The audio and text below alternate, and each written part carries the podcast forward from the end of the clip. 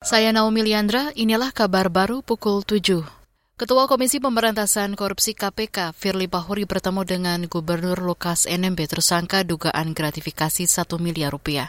Firly memimpin tim penyidik KPK mendatangi rumah pribadi Lukas di distrik Muaratami, Kota Jayapura, Papua.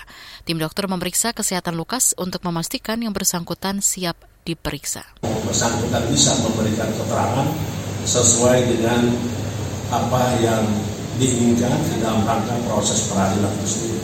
Jadi saya kira itu sudah cukup. Tidak ada politisasi, tidak ada kriminalisasi.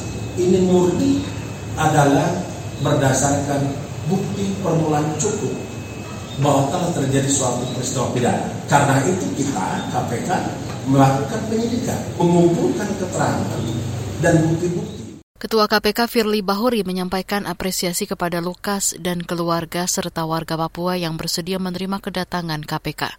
Firly mengklaim proses hukum terhadap Lukas dilakukan transparan. Saudara, Jakarta menjadi daerah dengan jumlah aduan terbanyak soal dugaan pelanggaran etika dan pedoman perilaku hakim.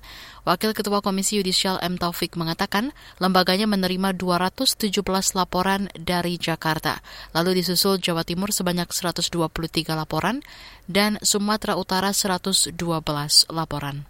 Dilihat dari sisi apa berdasarkan jenis perkara, di antara jumlah tersebut kita menerima sebanyak 575 laporan berupa dari kasus perdata, 299 laporan dari kasus pidana, kemudian 63 laporan dari uh, kasus agama, kemudian TUN tata usaha negara sebanyak 70 laporan, kemudian dari tipikor sebanyak 44 laporan, Wakil Ketua Komisi Yudisial M. Taufik menambahkan total ada 1.100-an laporan masuk terkait dugaan pelanggaran perilaku hakim serta permohonan untuk melakukan pemantauan persidangan.